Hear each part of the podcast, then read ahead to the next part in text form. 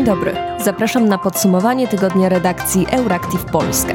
Nazywam się Patrycja Goski i opowiem Wam, co działo się w tym tygodniu na świecie. Dzisiaj będzie między innymi o Funduszu Kościelnym oraz o mediach publicznych.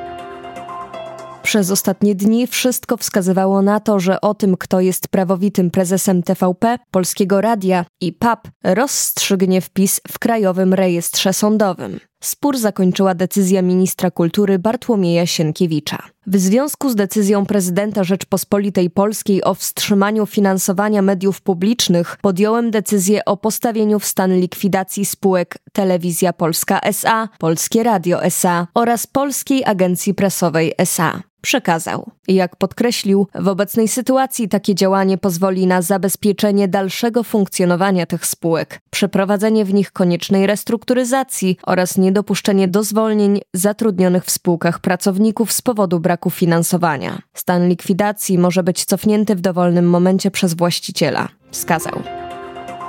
Od 2025 roku kościoły wszystkich wyznań mają radzić sobie bez wsparcia z budżetu państwa zapowiedział premier Donald Tusk. Fundusz kościelny ma być zastąpiony dobrowolnymi odpisami wiernych od ich podatku. Według projektu budżetu na przyszły rok na rzecz Funduszu Kościelnego ma wpłynąć rekordowa kwota 257 milionów złotych, taka jaką założył rząd PiS. Korzystają z niego wszystkie kościoły i inne związki wyznaniowe z uregulowanym statusem prawnym w Polsce. Pieniądze te przeznaczone są między innymi na konserwację i remonty obiektów sakralnych o wartości zabytkowej, na wspomaganie kościelnej działalności charytatywno-opiekuńczej, oświatowo-wychowawczej i opiekuńczo-wychowawczej, a także na dotowanie lub całościowe finansowanie składek na ubezpieczenie społeczne lub zdrowotne duchownych.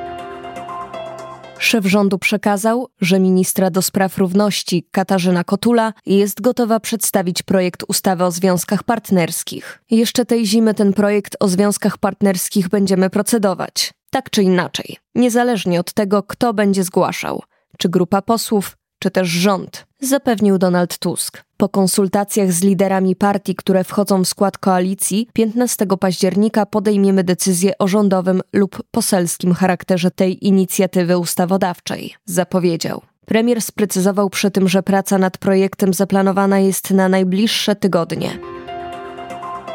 Rząd zaakceptował 27 grudnia wniosek ministra sprawiedliwości Adama Bodnara o przystąpienie Polski do prokuratury europejskiej. Obecnie należy do niej 22 z 27 państw członkowskich Unii Europejskiej. Wycofał także kwestionowane kandydatury Polaków do Trybunału Sprawiedliwości Unii Europejskiej i Sądu Unii Europejskiej. Wniosek ministra Bodnara był jedną z pierwszych decyzji nowego szefa resortu, którą poparł rząd. Jak tłumaczy kancelaria premiera w wydanym komunikacie polskim władzom zależy na współpracy z innymi państwami członkowskimi Unii w ramach prokuratury europejskiej, gdyż stanowi ona jeden z najważniejszych projektów związanych z rozwojem przestrzeni wolności, bezpieczeństwa i sprawiedliwości w Unii Europejskiej. Komisja do Spraw Zagranicznych Wielkiego Zgromadzenia Narodowego Turcji, czyli tureckiego parlamentu, zatwierdziła projekt w sprawie ratyfikacji protokołów akcesyjnych Szwecji do NATO. Przekazała turecka agencja Anadolu na platformie X. Ten projekt ustawy ratyfikacyjnej trafi pod głosowanie na sesji plenarnej tureckiego parlamentu. Gdy parlament przyjmie ustawę, trafi ona na biurko prezydenta Erdogana. Podpisanie przez niego ustawy będzie ostatnim etapem ratyfikacji. Szef szwedzkiej dyplomacji Tobias Billström z zadowoleniem przyjął decyzję tureckiej komisji. Również w NATO ucieszono się z tego kroku. Zatwierdzenie członkostwa Szwecji w NATO przez parlamentarną komisję to wspaniała wiadomość, stwierdził na X Boris Ruge, asystent sekretarza generalnego NATO do spraw politycznych i polityki bezpieczeństwa odnalazł się Aleksiej Nawalny. Mężczyzna został przetransportowany do kolonii karnej na dalekiej północy Rosji, za kołem podbiegunowym. Przez ponad dwa tygodnie nie było żadnego kontaktu z Aleksiejem,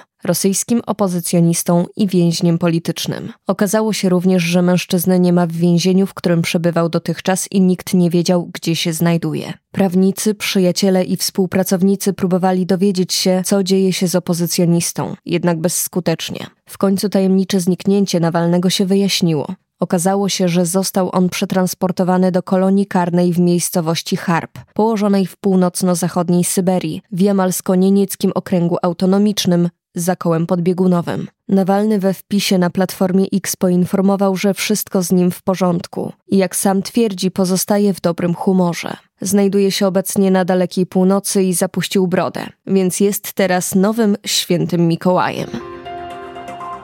To już wszystko w ostatnim tegorocznym wydaniu podcastu Tydzień w skrócie. Euractiv życzy Państwu wszystkiego najlepszego na ten nowy rok. Do usłyszenia w 2024.